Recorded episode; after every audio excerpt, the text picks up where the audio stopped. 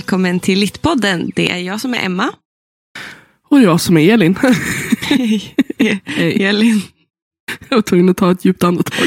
Ja, det, det är inte så mycket luft som kommer in mellan de där näsborrarna så att säga. Nej, det är inte så mycket luft som kommer ut heller kan jag säga. Åh gud, I'm so sorry for you. Ja. Jag har väl levt värre. det jag låter ju fan bättre nu än vad det gjorde typ i förrgår. Eller i förra förrgår. Ja, nej, men då lät jag inte alls. Jag, jag väste liksom. Ja. Då hade jag ingen röst alls. Men, eh, nej, men jag, ja, vi har bara hoppat in i det. Men jag, jag är ju förkyld, som ni kanske hör. Ja. Ehm, Det har varit det typ ehm, sen i, ja, jag blev sjuk i onsdags. ja. Natten mot onsdag. Jag har mått skit, alltså verkligen. Alltså det, det har varit så jävla jobbigt. Allt har gjort ont. Åh, Åh, I'm so sorry. I'm Det- so sorry. Ja, men det, det är lugnt. Det har bara varit så här. Du vet när man, man alltså jag, jag, när jag blir förkyld så får jag alltid så ont i mina bihålor och ont i ansiktet. Framförallt i tänderna. Och det, Ja. alltså det, det, det, låter, förstår, det låter jätteroligt men det är så psykiskt påfrestande. Ja, För det, alltså det gör verkligen ont i varenda tand och det beror väl på trycket från bihålorna. ja, det låter fan inget kul. Så att nu också, alltså, till och med idag, så varje gång jag äter eller dricker någonting så får jag så fruktansvärt ont i bihålorna att jag bara sitter och liksom det, krynklar ansiktet och försöker så här, jag försöker bara få, få det att släppa och så liksom försöka trycka över Nej, det, alltså det, det är fruktansvärt. Konstant brain freeze. Ja, exakt. Jag, jag, jag försökte förklara det där, liksom, att det känns som att man har brain freeze Mm. överallt i ansiktet. Nej, det låter inget kul. Nej. låter inget kul. Så det är så här, alltså min näsa pajar ju typ hela tiden. Gör den Ja. ju. Alltså jag sitter ju och nyser och snuvar och sådana saker. Men jag är sällan täppt i, i bihålorna. Jag vet att min farsa har ju problem med sina bihålor. Man brukar oftast bli lite knepig där efter ett tag. Ja. Man blir lite knepig i bihålorna. Jag är lite knepig i bihålorna. Hur mår du? Jag är lite knepig i bihålorna. Ja, men alltså för vissa, det, det där är ju så intressant. För vissa sätter det sig mest i halsen, ja. vilket gjorde på mig när jag var liten, jag hade alltid halsfluss. mm. Eh, men nu på senare år så sätter det sig alltid på bihålorna. Mhm. Mm, och för ja. vissa är det ju så här, de får kanske jätteont i huvudet, eller jätteont i leder, eller jätteont Mm. liksom. Man kan Det få får så, ju så, jag. ja, man Jag får får så, ju svinont. ja, ja, men just att man kan få väldigt så diffusa symptom. Pr- alltså, Kroppen. ja, Kroppen, den är ett mysterium. men verkligen, alltså det, det är sjukt. Nej, men jag kan verkligen relatera till att allt gör ont. Alltså det gör det verkligen för mig. Alltså jag Ja. får verkligen, det är sådana fruktansvärda ledsmärtor. Jag har mycket skador också i mina leder sen jag gick i gymnastik och i lite jobbigare sporter. Så att säga. Ja. Eh, så att jag har alltid de här gamla skadorna. gör fruktansvärt ont när jag får typ feber eller blir förkyld. Brukar du få ont i huden också? Ja, det brukar jag få. Jag blir så jättekänslig i huden. Så Mm. att typ allt, all vikt på huden känns som Mm. att så här, det, det är så fruktansvärt irrterande. Alltså man vill bara typ bort allt. Mm. Ja, jo men så är jag också. Och sen så blir jag väldigt typ att jag får så väldigt ont att gå. Alltså jag får ont Mm. i mina fotsulor. Det är som att gå på nålar. Alltså, nej men Mm. alltså jag skämtar inte. Det, det alltså jag, kan typ, alltså jag haltar mig fram när jag blir sjuk. Liksom för att jag, Ja. Det är så jag vet att jag har feber också. Att jag får väldigt ont att gå. Och det är som att ingenting bär mig. Och det har väl också med lederna att göra någonstans. Att det är nerver som sitter och är svullna i kläm. Liksom, i Ja. Äh, det är inget kul att vara sjukt. Nej. Men utöver att vara sjuk då? Hur, hur är det annars då? Jo. men det är väl bra. Eh, jag har mycket att se fram emot eh, den här veckan som kommer. Jag fyller Mm. år. gör jag. Och så, 30, 31. nej. Nej, 32. Ja. Sorry.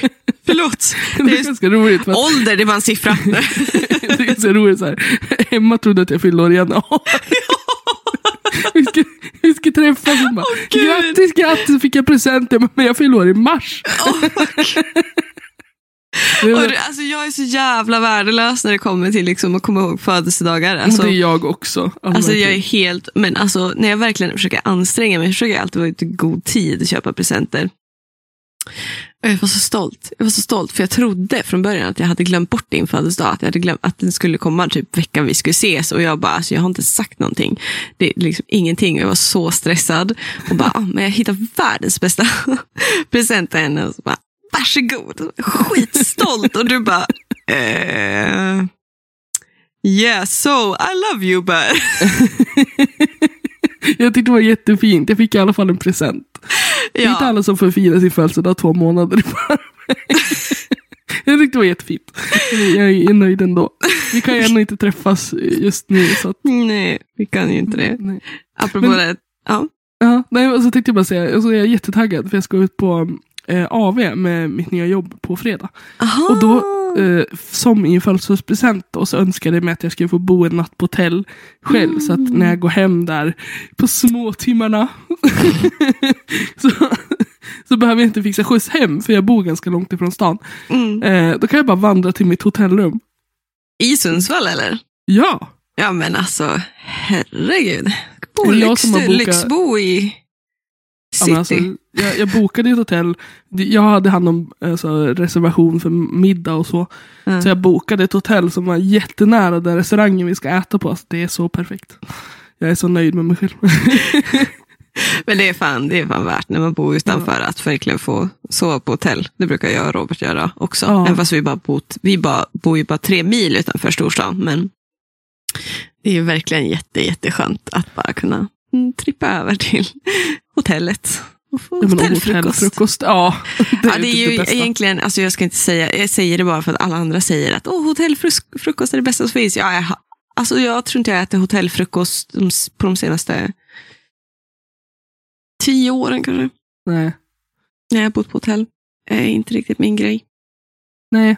Och som sagt, det är just någonting de flesta säger. Men Mm. alltså, det, alltså hela upplevelsen tycker jag är skön. Mm. Alltså, när man bara får, man får bara lägga sig Mm. och så kliver man upp och bara lämnar allting. Mhm. Alltså, det brukar ändå vara så här, jag brukar ändå plocka ihop typ så här, smutsiga handdukar och lägga dem i en hög. Och, eh, typ, eh, f- ja, se till att rensa upp så att det inte ser så skitigt ut. Ja, nej. Men Nej. det var jag ser fram emot. Hur mår du och vad, vad gör du? Vad mår du? Mår du? Ja, jag mår väl okej. Alltså, jag mår, mår okej. Idag var det jättefint väder ute. Alltså, det, eh, vädret styr väldigt mycket mitt humör. Eh, Så det var skönt att det var mycket sol och sådana saker. Och jag har nu betat av ganska mycket av uppsatsen. Sådana saker. Det är bara några veckor kvar till 70 procent ett seminarium.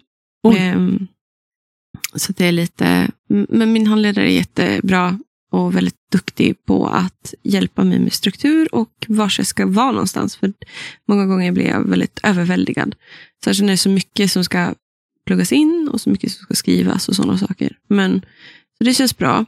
Eh, och jag har fått träffa kaniner i veckan. Så jag är jätteglad. Mysigt. Älskar kaniner. Är jätteallergisk mot kaniner. Och hö. Alltså jag dör. På riktigt. Avlider. Runt det. Men det var mysigt just Det då. var jättemysigt. Det var så värt att typ inte kunna sova för att allting kliade och allting känd, var svårt. Det var svårt att andas till och med. Åh jävlar. Ja, jag är jätteallergisk. Kanin är inte någonting som du vill ha alltså? Jag vill ha kanin. Ja, alltså, jag vill ha ha, haft men kanin. kan inte.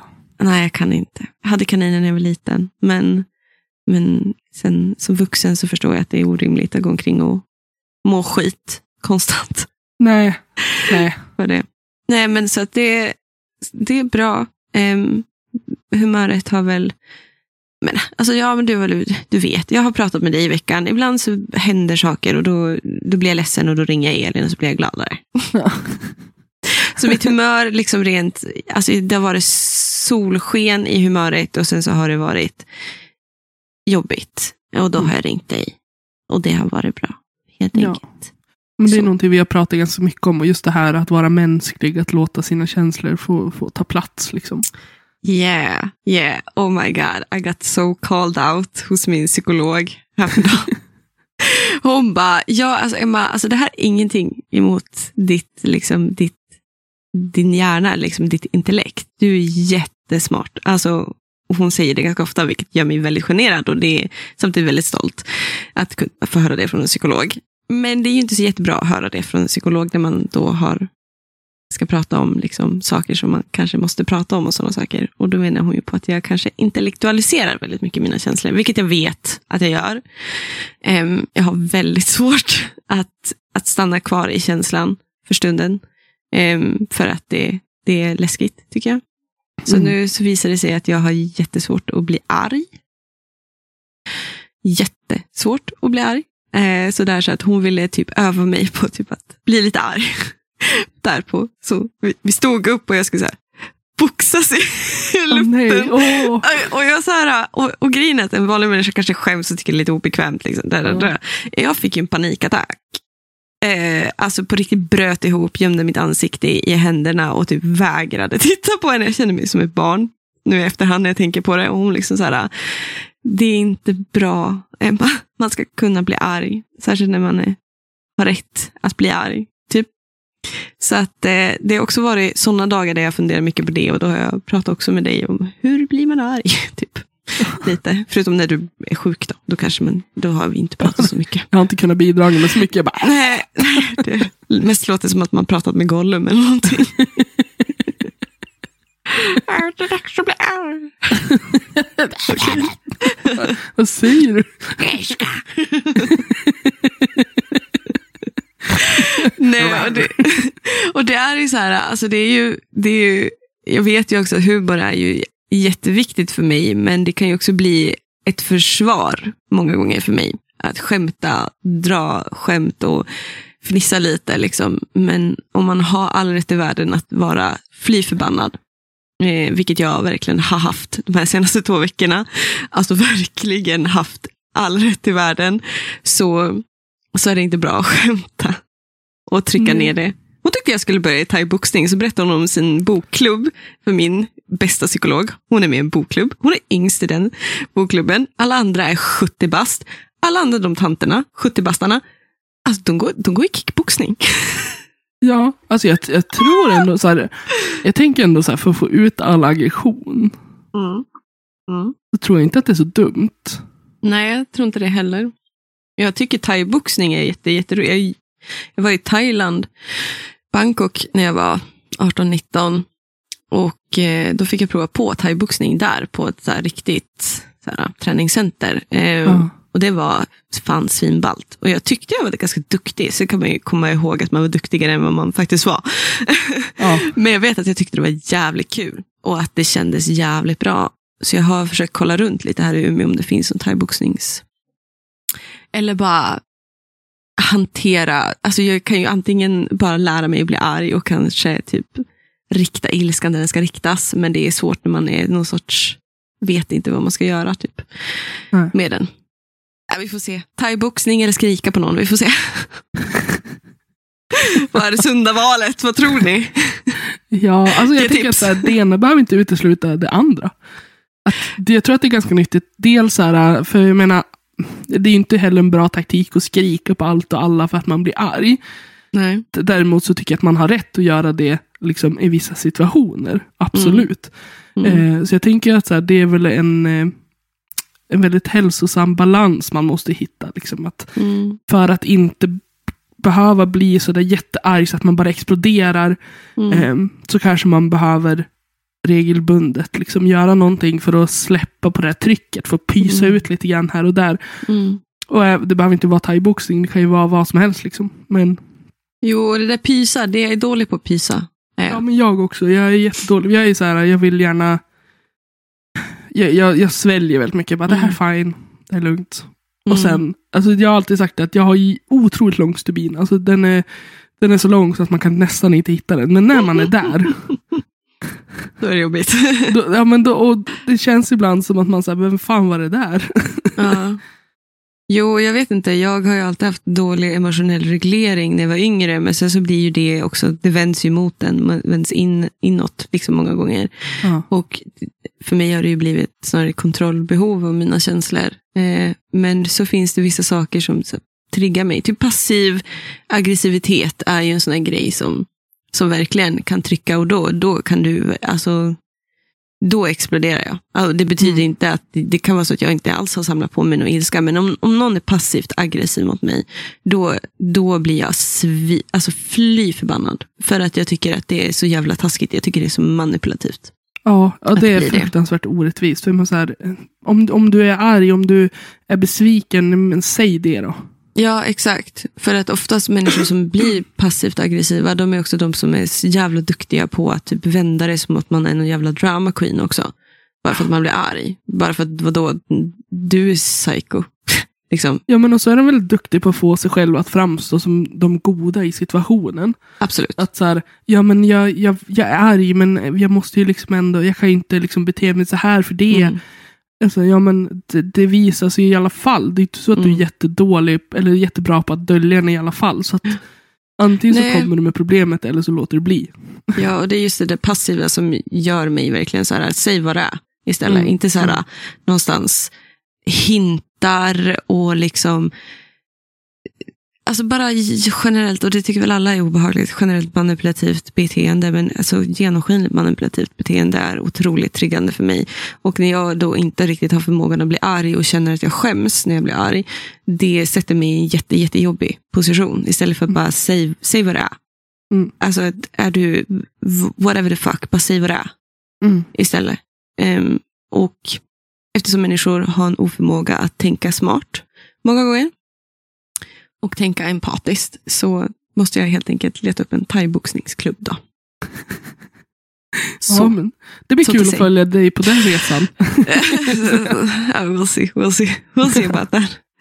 Ehm, Men eh, nu har vi ju pratat ganska länge om eh, våra liv. mhm, mm. Men eh, det är inte därför vi är här. Vi är här idag för att faktiskt prata om den grafiska novellen igen. Mm. Vi har ju pratat om både comics generellt och eh, eh, comicvärldens kvinnor. Ehm, så ett serie typ avsnitt per, oj, jag eh, per år. Ehm, Ja, det är inte ens per år, för det här var ju första året vi spelade in, så det här är ju inne på tredje. och just det, ja men det ser man, se på fan. Ja. Men alltså eh, grafiska noveller, alltså jag, jag skiljer på grafiska noveller och eh, Eh, serietidningar eller comics. Ehm, när jag säger comics då brukar jag oftast prata om i samband med typ eh, Marvel och DC och sådana saker. Eh, superhjältar eller liknande. Eh, och så oftast är de ju singletter, alltså serietidning, en, en singlett serietidning. Eh, som sen kan det bli comic books och då har man satt ihop de här eh, nummer ett, nummer två, nummer tre, nummer fyra, nummer fem all, till ett samlingsalbum. Och då kan man Ja. ha comic book. Men eh, a graphic novel eller en grafisk novell för mig är liksom eh, i syfte av att vara en längre bok, oftast i även alltså formgiven som alltså inbunden oftast, eller häftad. Ehm, om man, Är den också inte så här, typ, alltså berättelsen också är sammanhängande, så att Mm. Jag tänker att många serier, alltså så här, comics, är ju också så här, äh, att det är olika händelser från nummer till nummer. Att vi, Ja. Ibland kan det hänga ihop, att det liksom Mm. så här, det här hände förra gången, eller så, en Mm. tillbakablick. Men Mm. att det ofta är en helt ny story, en helt ny liksom, plats och miljö och Mm. en ny antagonist eller så. Jo men alltså om man tänker typ Spiderman så är det typ så här, ja men Spiderman möter eh, Dr. Octopus i ett nummer och i nummer två Mm. så möter han den här eh, ondingen liksom helt enkelt. Så att då, men det är i övergripande, alltså när det sen blir kanske en comic book så är det liksom en samling som, som har en större story. Liksom. Mm. Så. Medan en grafisk novell är liksom en bok fast grafisk. Typ Ja. en roman fast grafisk med en egen berättelse. Så de är oftast mycket tjockare eh, än vad serietidningar är. Eh, och så. Men sen så finns det också andra distinktioner. Jag har även med mig några stycken som jag tänkte prata lite snabbt om bara. Men det finns ju också olika åldersnivåer kan jag tycka. Det är ju lätt att man tänker, okej, men en grafisk novell är väl typ en barnbok, en bilderbok. Liksom. Nej. och och det, det eh, kan vara lite svårt att förklara många gånger. Men ja, jo, det är bilder i dem. Men det är oftast i handlingen så är det mycket, mycket mer grafiska saker i de som är liksom för äldre. Helt enkelt. Om man säger så. Ehm, det kanske andra sorters problem. En, en bilderbok, en barnbok, eh, för mig i alla fall, jag vet inte, du får rätta mig, har ju oftast en större mening bakom sig. Att lära barnet någonting eller att berätta någons narrativ, ett perspektiv. Medan en grafisk eh, comic vars största betydelse kan vara att den typ du ska döda draken. Här är 50 sidor om hur du dödar draken. Och sen så är det det. Ja, alltså ja, Ehm. absolut. En bilderbok. ehm, ofta tycker jag, alltså det, det var ju mer för liksom, att den skulle ha en fostrande, en Mm. fostrande liksom, effekt Jo, hos precis. barnen. Typ H.C. Eh. Andersen, typ. Ja men precis, att det finns någon form av eh, symbolism Mm. med eh, vissa saker och Mm. varför, varför det här händer och vad, vilka kunskaper man ska ta med sig av det. Mm. Vilket jag också, också ofta ser i alltså, bilderböcker som kommer nu. Mm. Även om de inte är lika påträngande som förr. Liksom att, Mm. och att de kanske inte handlar om ja, du måste äta upp din mat eller du måste tacka Klippa dina farbrorn. naglar. Ja, Nej, utan- precis. Det handlar kanske mer om så här, stopp min kropp eller Mm. var snäll mot andra. Mm. Liksom, tänk på hur andra vill bli behandlad. Och så. Mm. Och det tycker jag är fine. Mm. Men det blir ju också väldigt så här, om du riktar det till en vuxen. Ja. Då känns det som att, liksom, så här, ja, jo, men Vi vill ju också bli, för att det finns ju också tre stycken olika definitioner av den grafiska eh, novellen. Och det finns ju, jag letade upp dem eh, lite snabbt så här, eftersom jag själv var så dålig på att, eh, alltså, eller inte tre definitioner. Eh, det kan ju bli det kan ju vara fiction, alltså fiktionellt, bara liksom en romanaktig, liksom samtida roman typ. Och det kan vara eh, non-fiction också. Ehm, det finns ju till exempel en, en som heter, jag tror den heter Sapiens, som har, en bok som har blivit en, en grafisk novell också. Som heter Sapiens. Eh, och så kan det vara liksom history. Och då vet jag att Niklas Natt och Dag, eh, vad är den? 1767 eller något sånt där heter den, har ju blivit Ah. något sådär. Eh, jag vet att din man tycker om de där böckerna. ja, jag kommer inte ihåg exakt. Men typ 1764, 1765, 1700, alltså något sånt där. Jag har den första, ja precis, jag har den första som liksom grafisk då. Mm. Eh, men den är så jävla tung så jag orkar inte ta med den och visa upp den för Elin. men den, där är ju liksom history då, lite mer fast det är också fiction, alltså fiktionell eh, historia. Eh, jag tror den behandlar, om jag minns rätt så handlar den om en av kungarna, Gustav den Nej, nej jag, ska inte, jag ska inte sitta här och Nej, killgissa. och jag har ingen aning alls. Jag, jag, jag blir jätteuttråkad så fort jag... det är inte min typ av bok. Nej. Och sen så är det min favorit när det kommer just till grafiska är oftast fantasy. Mm. Eh, jag gillar fantasy för eh, fantasy och sci-fi, alltså ni vet fantastikgenrerna. Eh, genrerna. Ehm, även skräck och sådana saker. Jag gillar det för att där leker de oftast väldigt mycket mer med färger. Eh, Ja. Och sådana saker eh, i liksom, den grafiska formgivningen av liksom, eh, den grafiska novellen. Så jag har också även med mig, liksom, eh, det är mest inom det temat som jag har med mig nu också, eh, Mm. som jag tänkte prata om. Men Ehm, de är ju också så liknande, alltså grafiska noveller är ju liknande till comics, eh, för att de just någonting som heter sekvenskonst. Alltså det är liksom sekvenser du ser, alltså scener du ser, som för berättelsen framåt. Eh, för att liksom, ja, berätta berättelsen också. Eh, men till skillnad från alltså comicböcker så är de då kanske mer standalones oftast. Eh, Ja. Grafiska romaner. Eh, med lite mer komplexare plotter än att Spiderman ska döda Dr. Octopus eller besegra Dr. Octopus för ja, miljonte gången. Liksom. Helt Ja. enkelt. Ehm, och så. Mm. Så det, det är lite annorlunda när man, när, när jag känner aldrig riktigt att jag läser läser när jag läser en comic. Men däremot känner jag att jag läser läser när jag läser en grafisk novell, vilket är jättekonstigt och det, det är ju inte ett sämre läsande. Men eftersom eh, comic books är oftast mer fast pace, högre hastighet, högre tempo än en grafisk novell så behöver jag inte tänka lika mycket eh, på vad jag uppfattar i comics än vad jag känner att jag måste göra när jag läser en grafisk novell. Helt enkelt. Ja. Så det är lite snabbt så definition typ av det. Men jag tyckte det var lite intressant det här också för att jag har berättat väldigt mycket för Elin. och Jag tror jag sagt också i tidigare poddavsnitt om min relation som tjej. Eh, ganska nördig tjej till liksom just att vara också en comic-nörd. För alltså, jag måste ju säga det att den här nördvärlden är ju väldigt speciell att befinna sig i som kvinna. Den är ganska mansdominerad. Den har varit tidigare otroligt mansdominerad. Den är lite mindre det nu, men fortfarande som i allt. Ja. Och ty- vad ska jag säga? Liksom, ni vet vad jag tycker. Ja, men det kan man ju också se, alltså inte bara i comics, utan även typ generellt de som spelar alltså spel, om det är tv-spel Mm. eller dataspel också, att där är det också en, en fruktansvärd eh, alltså jargong Mm. gentemot kvinnor och liksom som spelar och som Ja. vill vara en del av det här då, Mm. nörderiet. Mm. Jo. jo, alltså det, ibland så känner man sig ju verkligen om när jag kollar på tv-serien Big Bang Theory. Ja. när, när kvinnliga karaktären Penny som Leonard sen eh, blir tillsammans med när hon liksom kommer och de bara oh my god, det är en tjej. Mm. Det är inte bara det att hon är fin, hon är härlig, hon är rolig och liksom så. Utan det är en tjej. Det är ett annat kön. Ja, de, Och det- de har ju väldigt dålig...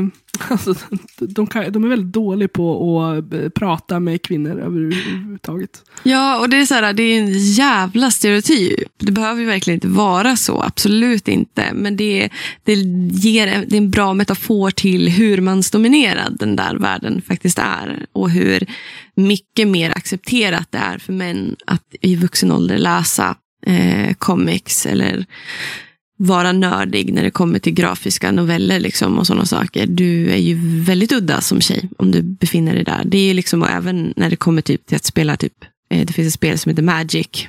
Och där, är också, där har jag ju typ stort sett varit ensam tjej många gånger i de sammanhang jag har varit i. Eh, och sådana saker. Ehm, och man ses ju nästan lite som ett, jag vet inte, ett udda väsen även bland de männen. En udda Ja. typ, men fast på ett mer exotiskt sätt. Då, liksom. Men, men jag tänker så här, så. är det skillnad då? Nu kanske vi kommer helt off topic, men det var bara en tanke som for genom mitt huvud. För att jag har hamnat väldigt mycket i, TikTok-hålet. Här, kvinnor som eh, eh, lanar typ CS och eh, så. Mm. Eh, och där är det ju liksom, där är det inte bara så här, ah, vi har svårt att prata med kvinnor, utan alltså att det finns ett eh, genuint hat mot kvinnor och att den plattformen ja. inte ens ska få eh, delas med kvinnor för att kvinnors roll är att eh, ja, men vara fina och liksom, ofta Mm. säger de så här, go make me a sandwich bitch. Liksom. Mm. Det är Och också att- en jävla stereotyp och absolut finns den ju. Alltså absolut, man, om man tittar på de här stora globala serie, alltså CS-turneringarna och sådana saker så är det ju få gånger man ser en tjej i Ja. något av lagen. Alltså så är det ju. Ehm, m- men det är också liksom i streamingvärlden eh, som också tillhör den här comicvärlden på många sätt och vis. Då är liksom också tjejerna, antingen så är vi utsatt för jättemycket liksom, eh, hat eller så är man supersexualiserad. Alltså Ja. det är chockerande många gånger att se också att även de som är Twitch, alltså tjejer som är Twitch-streamers, ehm, de, de blir utsatt för väldigt mycket alltså sexistiska kommentarer och otroligt kränkande kommentarer. Och det är också någonting man, som jag har tänkt på väldigt mycket också, alltså när man tillhör den där världen så är man så van tror jag att bli sexualiserad i samband med typ att man håller på med manga och comics och sådana saker. Mm. Att även i liksom serieformatet blir man väldigt sexualiserad. Det finns ju saker liksom inom manga som är lite, verk, inte lite mycket barnförbjudet, absolut. Och man som tjej även apar efter det. Barnförbjudna, eller vad man ska säga. Och det finns olika, vad ska man säga, ehm, uttryck som man kan göra eller se ut på vissa sätt. Och det finns ju till och med, alltså det, när jag har kollat in lite så här, ibland kan jag få, ni vet ju en feministfitta, jag kollar in statistik och sådana saker och intervjuer och sånt. Så finns det ju, till exempel på Pornhub finns det ju en hel genre som är tillägnad liksom kvinnor i cosplay och eh, kvinnor i manga eller liksom hentai då, heter det. Ehm, Hentai är ju jättestort. Alltså det är Jättestort. Ju, och det är sjukt också för att de flesta kvinnor som alltså i manga, de tecknas ju på ett sånt sätt att de också framstår som väldigt unga. Med, eh, alltså att de har ett väldigt barnsligt beteende. Ja. Samtidigt som de har en väldigt översexualiserad kropp. Alltså Stora bröst, liksom, jättesmal midja, stor Mm. liksom, rumpa. Mm. Och så har det ju varit inom comics mycket länge. Alltså väldigt länge. Alltså det är, Mm. Jag kan ju fortfarande tycka idag att många comics som kommer ut, även mina favoritsuperhjältar, är jätteproblematiska i hur de formgivs, kvinnorna och sådana saker. Och hur de beter sig också många gånger. Nu kan jag tycka att det blivit lite bättre eh, med de modernare kvinnliga superhjältarna och det är bättre representation och sådana saker. Men det kan man ju också se bland de grafiska novellerna, att kvinnorna sexualiseras ju otroligt mycket beroende på vad det är för liksom Alltså är du i, läser du grafiska comics med, med genren romance så, så är ju tjejerna tecknad på ett jättestötande och kränkande sätt många gånger. Mm. Men det kan ju fortfarande vara en bra plott. Alltså det kan ju fortfarande vara skitbra. Det är liksom bara det att grejer, grejer med grafiska noveller är liksom lite så här Ja, men om vi ska typ ta upp ett exempel så har jag hållit på att läsa de här Lore Olympus Mm. av eh, Rachel Smythe. Eh, som började med någonting, jag tipsade Elin om det, att man kan ladda ner en app som heter Webtoons. Yes. tror jag den finns som liksom webblänk. Om man vill läsa lite mer grafiskt men inte har råd att köpa böckerna eller det är lite svårt att få tag i. Eh, så finns det många indieförfattare där som släpper sina verk där. Och så får man läsa några stycken gratis per dag. Man behöver liksom inte betala. Eh, och den här uh, Laura Olympus började ju som en eh, webtoon då, och den blev jättestor. Eh, Och jag har inte, oj gud jag rapar i micken. men ehm, ehm, men eh, den har inte kommit i grafisk formgivning, alltså i fysisk bok, häft, som häftad bok förrän kanske för ett år sedan eller två år sedan kanske. Jag är inte säker.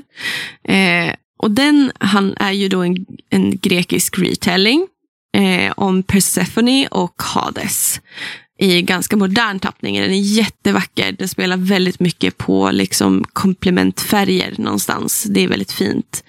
Men här har den en ganska bra, den tar upp ganska bra många viktiga ämnen. Till exempel att Persephone blir våldtagen. Eh, tas ju upp.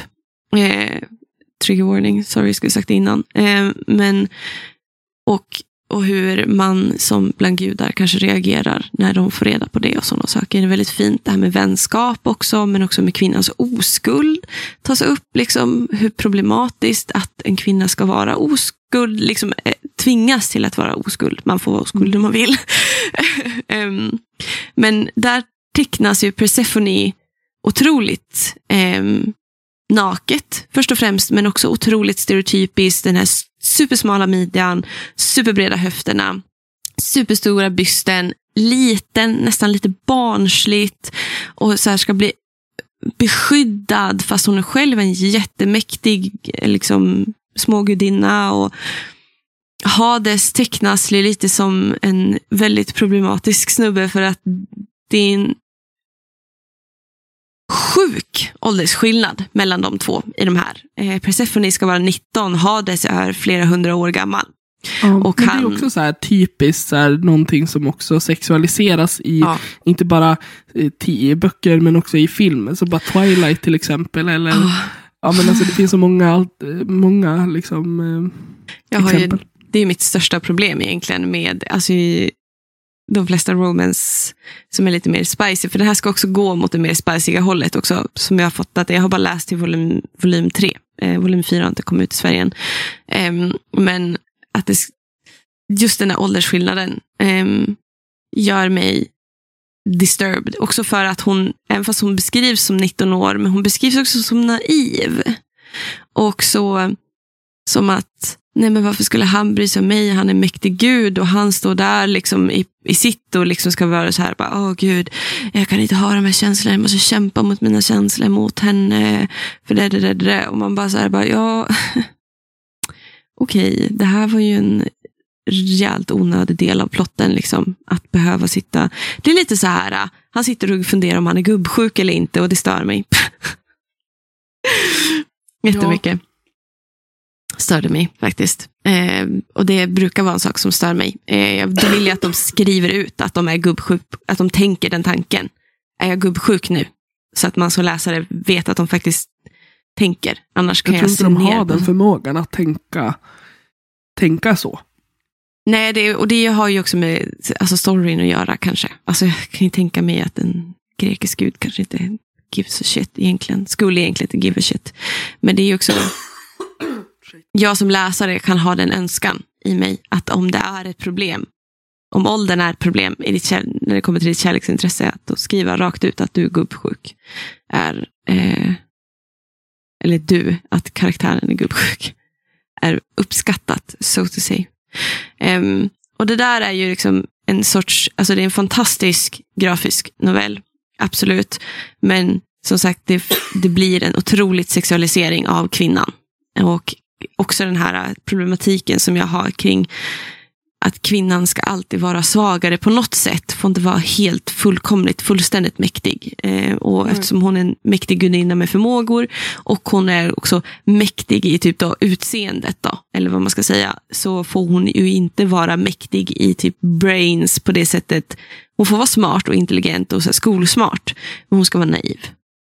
Hon ska behöva bli ett omhändertagen och skyddad och sådana saker. Och, Mm. ja, ni vet. Det står jag mig på. Men det är väldigt intressant, alltså det jag ville säga tidigare om det här med liksom att vara kvinna i den här världen med grafiska noveller. Det är att jag har en bok framför mig som heter För berättelsens skull, modeller för litteraturundervisningen.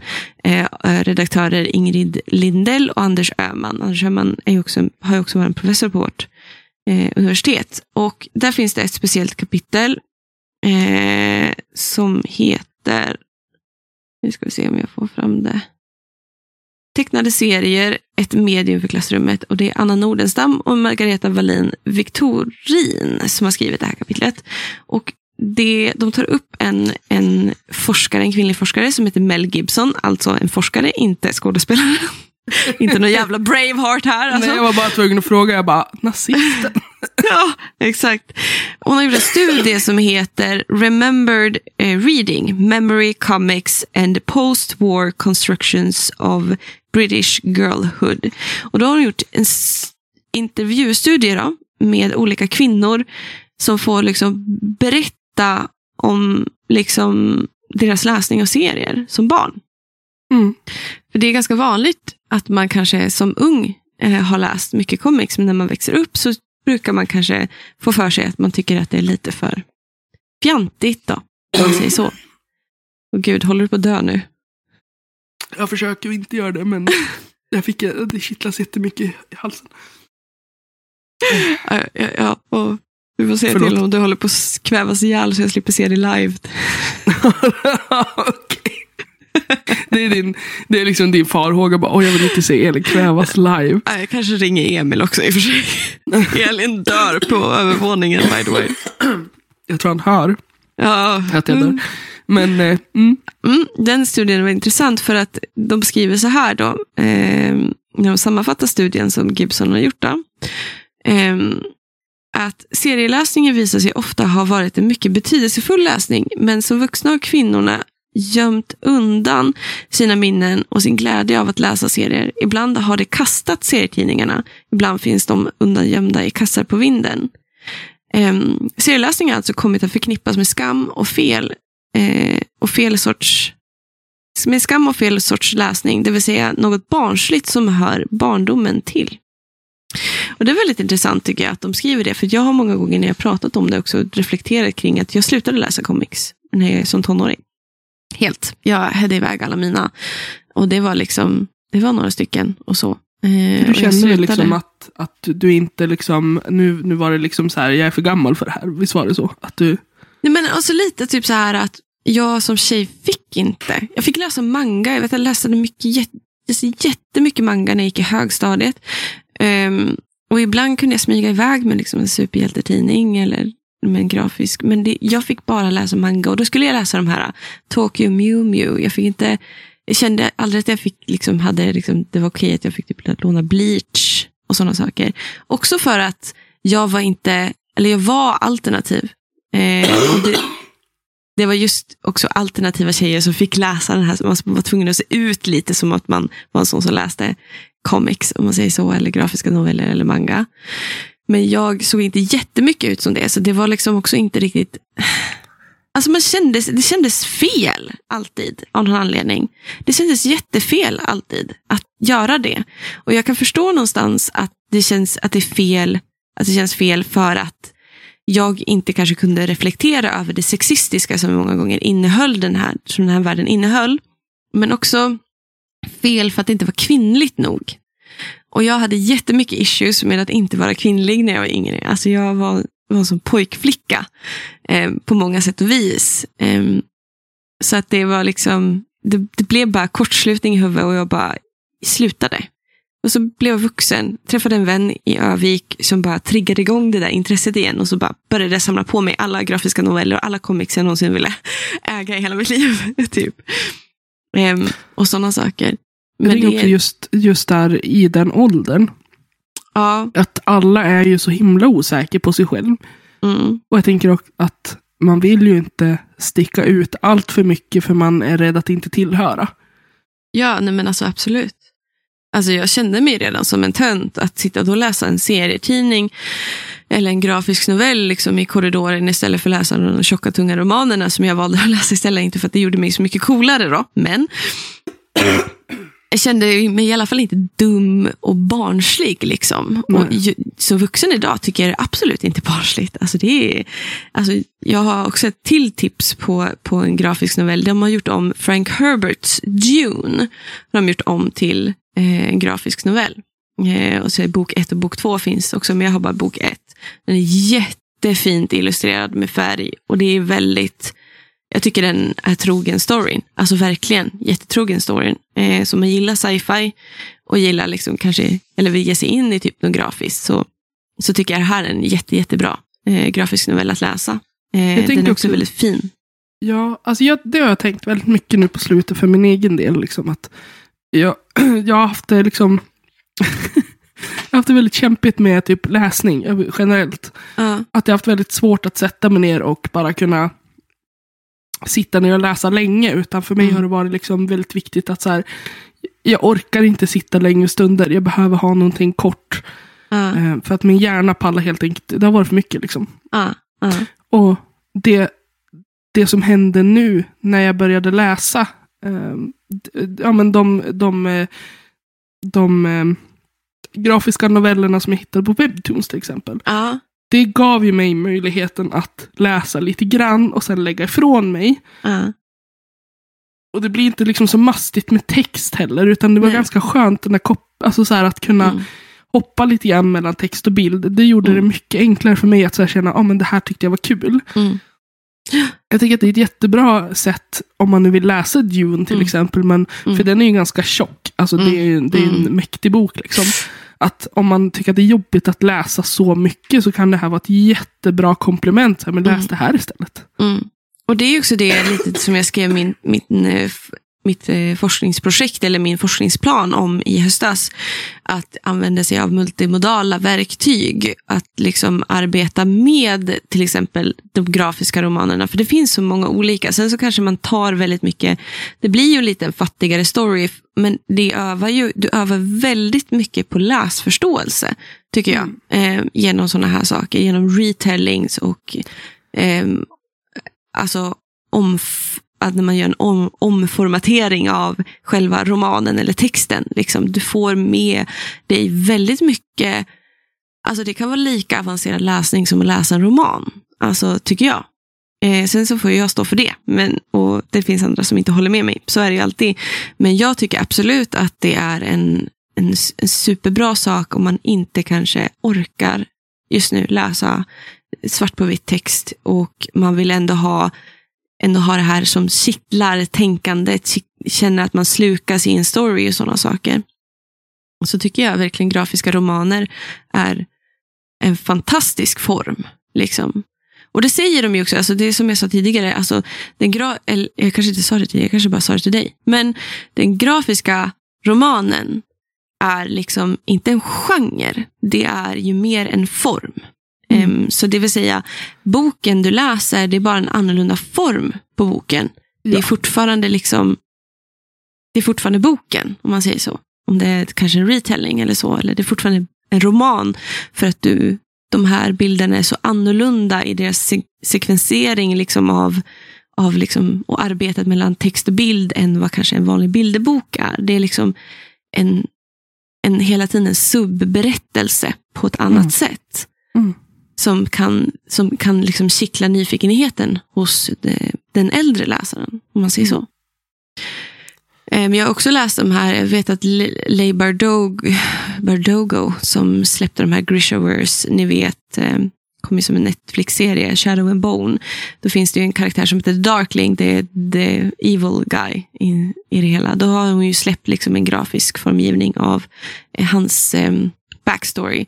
Jag själv personligen tyckte inte den var jättebra. Den är jättefint illustrerad, jättefint formgiven, men där kan man också se vad jag från personlig preferens, som har läst mycket grafiska noveller och mycket comics, där tycker jag man gör ett misslyckande. Man missförstår vad den grafiska novellen gör.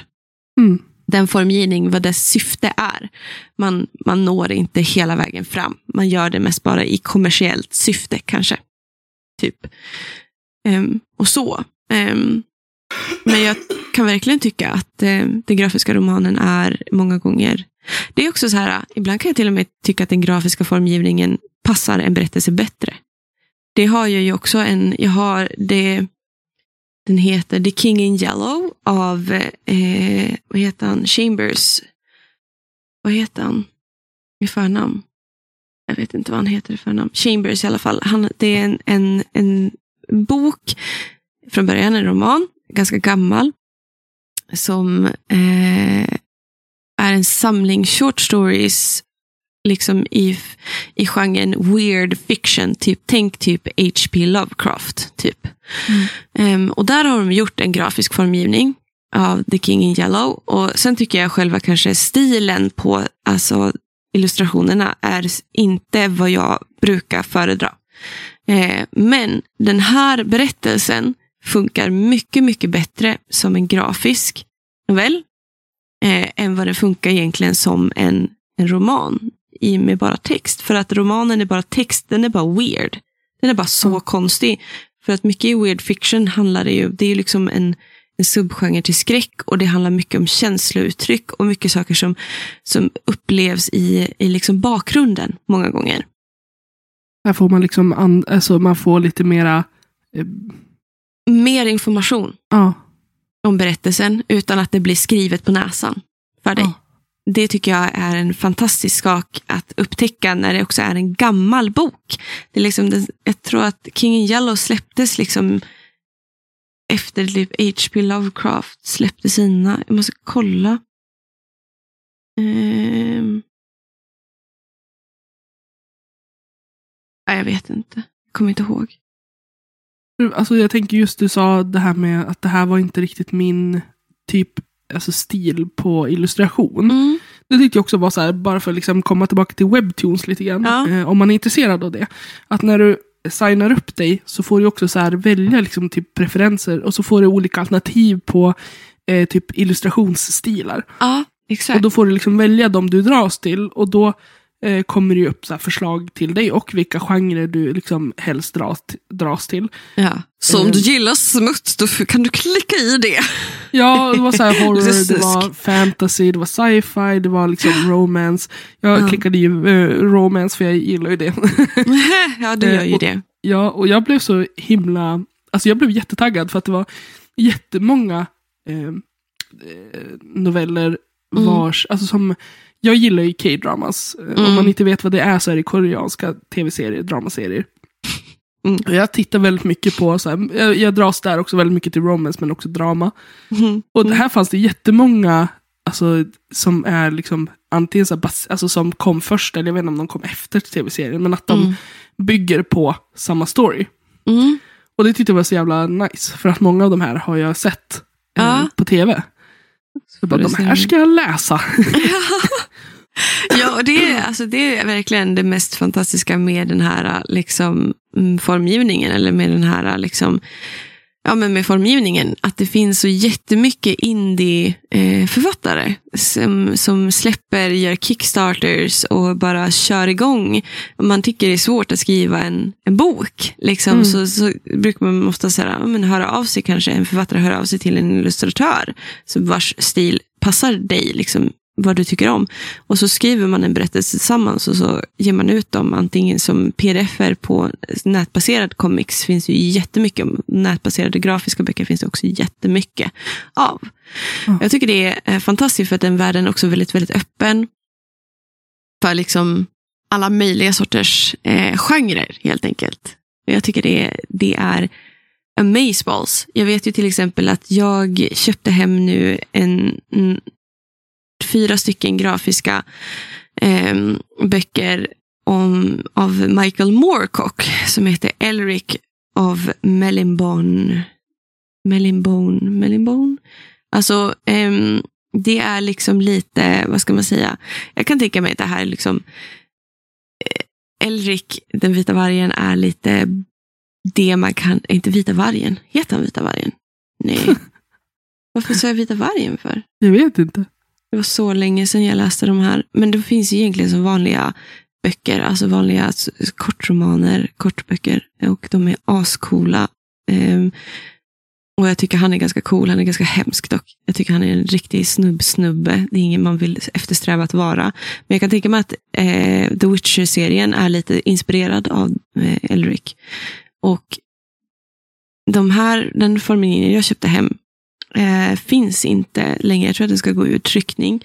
Och det är också så här, alltså, jag vet inte hur jag ska beskriva det här, men det är så coolt för att det finns liksom inte ehm, Alltså det finns i alla sorters smaker. Alltså det här är ju snubb-fantasy, det här är high fantasy på sätt och vis.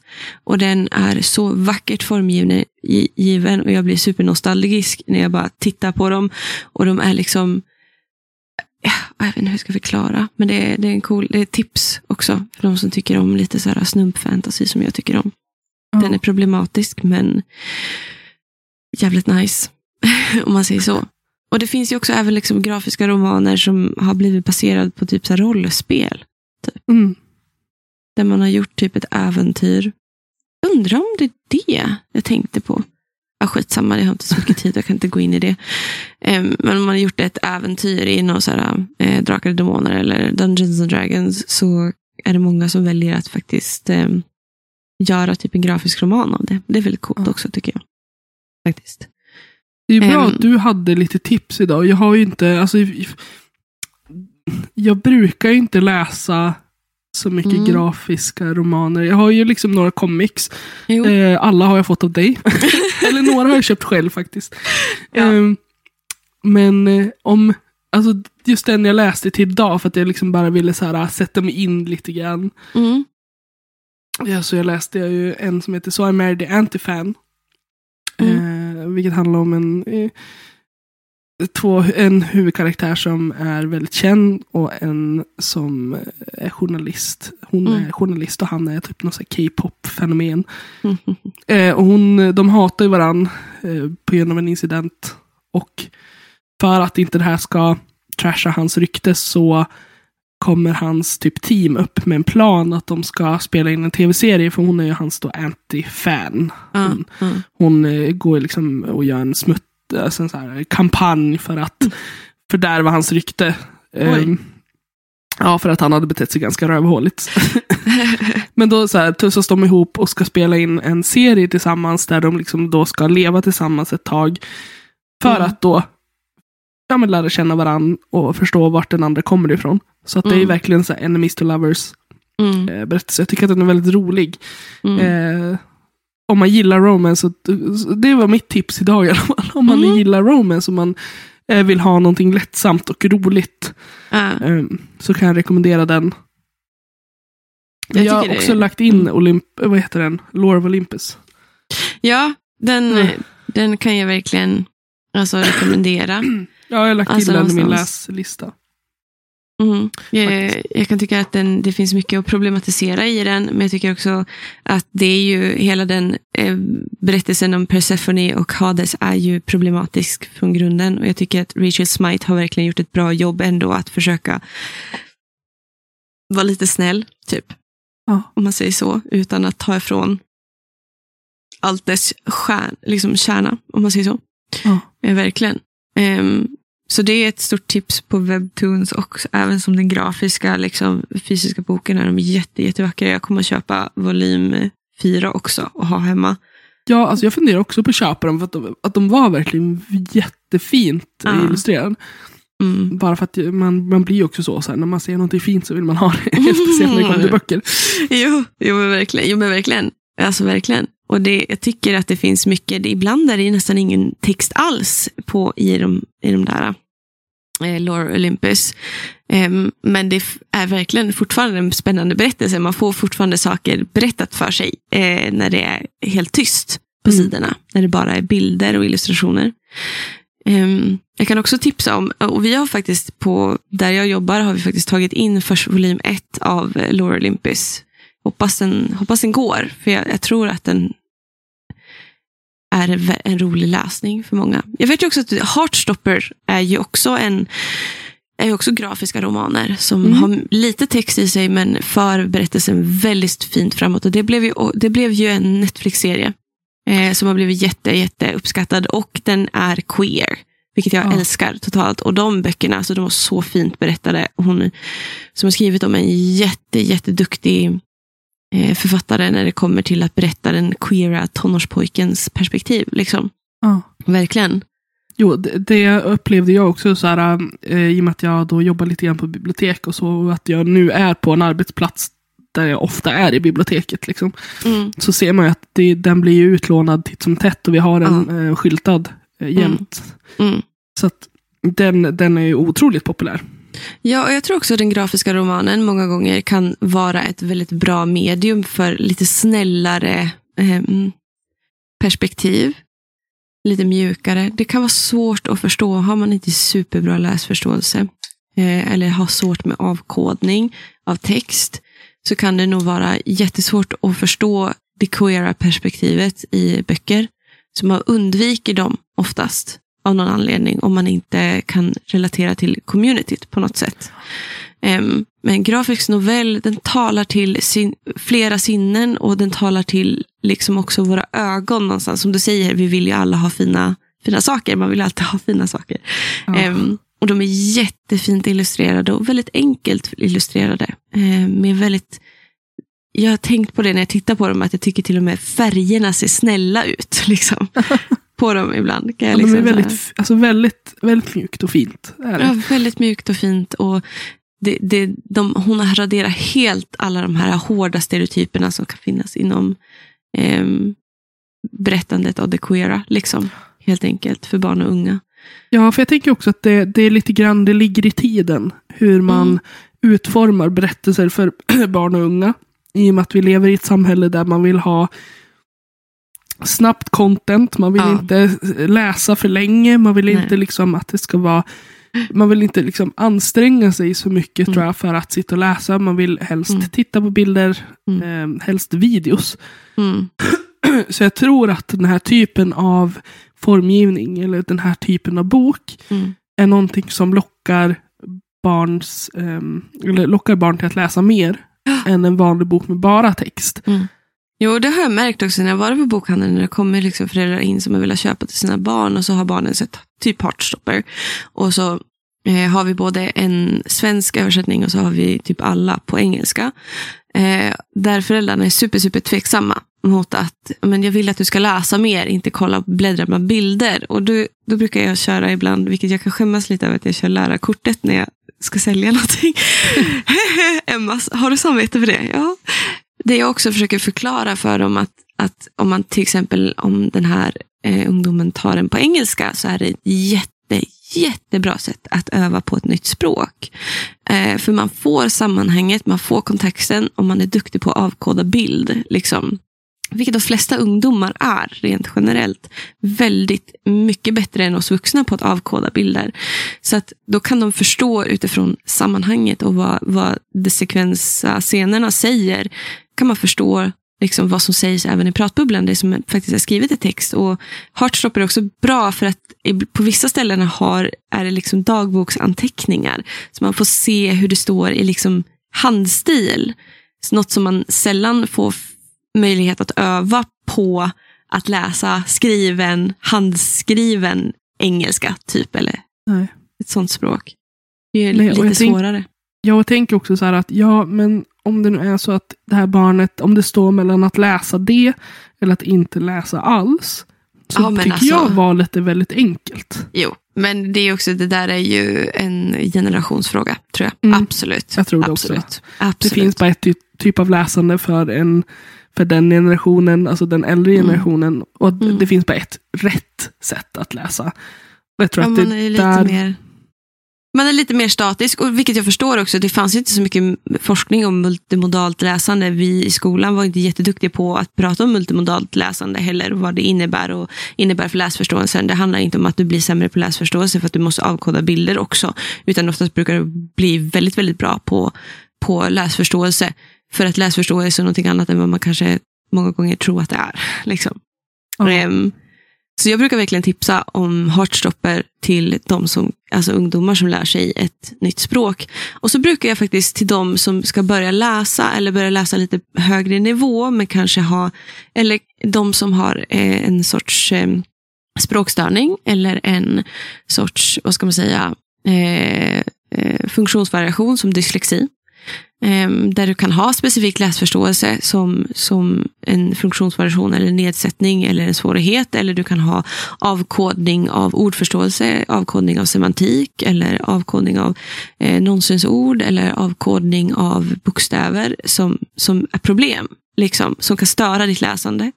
Och eftersom vi som sagt lever i en fast-paced world så måste du kämpa för mycket. Måste du gå och läsa sidan om och om igen. Självklart kommer du ge upp. För du får ju ingen dopamin av det. Du får inte, du får inte känna den här lättnaden. Okej, nu fattar jag. Um, och då brukar jag också tipsa då om den här komikern som heter Norrsken. Skriven av eh, Malin Falk. Eh, utgiven av Egmont Comics. Den här heter, det här är första boken som heter Norrsken, eh, Resan till Jotunda, Jotundalen. Det är en nordisk mytologi. Eh, retelling. Och Eh, Malin Falk är typ en av våra större serieskapare faktiskt Mm. i Sverige. Och jag tror hon till och med har fått eh, illustrera och kanske ibland skriva för Marvel om jag minns eh, rätt. Jag kommer inte ihåg. Hon är jätteduktig i alla fall. Jätte, jätteduktig. Och den här tycker jag, apropå fina böcker, apropå Laura Olympus-stilen, så är det otroligt fint formgiven och jättefina böcker.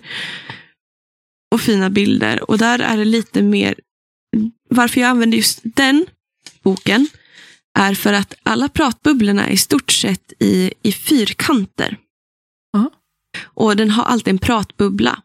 Annars i eh, comics eller i grafiska noveller så har man kanske en textruta. Och sen så små onomapoetiska ord i någon så här explosiv tryckning eller vad som helst. Eller små tankenötter i något bubblor. Så här, alltså, det är lite svårt att avgöra vem som tänker tanken om man har svårt med avkodning. Här pekar pratbubblorna på karaktären som pratar. Smart. Så jag säger, brukar säga det också, att den som har problem med dyslexi har problem oftast med när det blir för mycket information att ta in på en gång och den inte vet var den ska lägga den informationen. Den måste man kanske har svårt med rösterna i huvudet, eller de narrativa rösterna.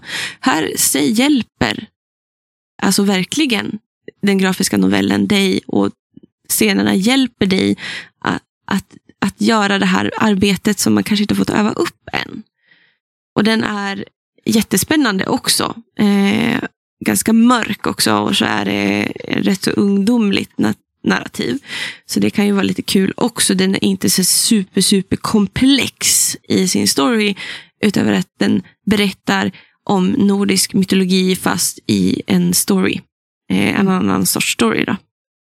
Jätte, jätte, jättefin Eh, jag har bok två också och jag kommer nog fortsätta samla på mig de här.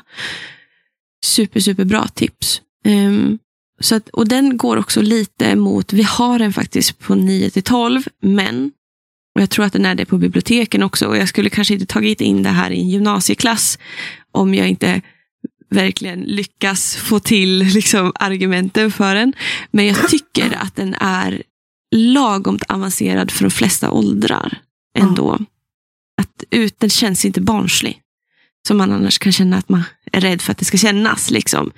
Utan den känns på sätt och vis vuxen också, men ändå inte. Liksom, inte för komplex, men den känns inte barnslig. Helt enkelt. Mm. Så det, det är verkligen en sån bok jag verkligen använder som ett exempel för de som oh, vill köpa böcker eller presenter till någon som kanske har specifikt lässvårigheter. Om man säger så. Mm. Så det finns verkligen olika sorters, liksom, olika sorters eh, grafiska noveller som kan ha olika sorters nivåer av komplexitet utan att, utan att det känns att den är barnslig. Liksom. Ja, och utan att, liksom, att om man också så här, att det också syns på boken att den här kanske är eh, till för mig som har det jobbigt. Liksom. Mm. Eh, för typ biblioteksböcker, eh, det som är lättläst där, det är ju utmärkt. Liksom, för att man ska hitta ja. dem, det förstår man ju. Jo, men det är men, också lite pinsamt. det blir Av någon det. anledning. Ja. Det blir det ju verkligen. Alltså det kan ju finnas de, för det finns ju också det, typ lättlästa klassiker finns ju. Och jag kan tycka det är jätte, jättesmart, men man tappar ju jättemycket eh, kontext av dem många gånger. Men det finns ju lättlästa klassiker som har gjorts om till grafiska noveller. Jag vet, Stolthet och fördom tror jag, eller om det är Jane Eyre som har gjorts om till en grafisk novell. Mm. Jag tycker att de gör ett fantastiskt jobb med den novellen också. Det handlar bara om att kunna göra avkodning i bild också. Liksom. Mm. Så får man med det som oftast tappas, liksom, mm. eftersom. Och även tror jag Röda rummet finns i grafisk, jag tror jag sagt det förut att den finns också i grafisk form. Sherlock Holmes finns ju också. Absolut, jättemånga olika sorters Sherlock Holmes mm. finns ju. Alltså det finns ju jättemycket grafiskt, men många gånger tror jag att man missförstår dem som då barnböcker, bilderböcker, fast de ja. inte är det. Nej. Helt enkelt. Man måste nog liksom eh, ta bort stigmat lite grann, att det här mm. är till för barn. Mm. Utan det här är till för alla. Ja. Jo, men verkligen. Men verkligen. Och ta bort stigmat att det, det är en viss eh, nördtyp som bara läser sånt här och gör sånt där. Okej, nu är jag jävligt stereotypisk ändå. Eh, för att vara en sån här nörd. Men, men det är också... Eh, jag kan tycka att eh, den grafiska novellen har så mycket mer att ge än vad vi ger den utrymme mm. för. Liksom. Det är som jag är jätteglad att till exempel vi hon som gör inköpen då till butiken har valt att ställa typ Lore uh, Olympus på liksom ung, på, på engelsk fantasy. Och där har vi inte heller någon ungdomsindelning. Så det finns liksom ingen ålderspreferens på den. Utan den står bland andra romaner som är på mm. engelska. Vilket jag tycker är otroligt smart och fantastiskt, verkligen. På så många sätt och vis. Jätte. Håller du på att dö nu? Ja, jag känner att nu håller jag på att dö. Jag bara, jag bara såg hur dog. ljuset släcktes i dina ja. ögon. Totalt. Nej, det, det jag bara zonade ut nu. Jag känner att eh, jag tror att jag behöver gå och lägga mig nu. Ja, helt fair. Men det har varit, det, det här, jag tyckte att det blev ett väldigt intressant samtal. Ja, ja, ja alltså, om det är något jag kan gå igång på. I'm such a nerd. I'm so sorry, ni där ute, att ni får höra mig nörda så här mycket. jag tror att det var väl det som räddade. Jag måste be om ursäkt för allt hostande i micken. Alltså för fan. Men eh, vi fick ja. jättemycket tips. Eh, och vi vill gärna säga typ om ni har något tips, skriv gärna det. Ja, alltså jag är alltid down för olika tips. Jag har ju faktiskt surrat lite med Hans Forsell. Eh, jag tror det är femte gången jag nämner han i podden. Men fantastisk snubbe. Gör också sina egna serier. Eh, De vilda pudlarna. Jag är en sucker för humor och existentiella frågor. Så det är, det är liksom så här, ge mig mer tips också på andra alltså indieförfattare, svenska indieförfattare så blir jag jätte, jätteglad om ni har mm. dem på lut någonstans. Ja men absolut. Mm. Så säger vi tack och hej och lever på sig för den här veckan. Och så ska du få krya på dig. Tack. Tack och hej. Ha det bra hörni. Ha det bra. Vi hörs. Vi hörs. Hej. hej.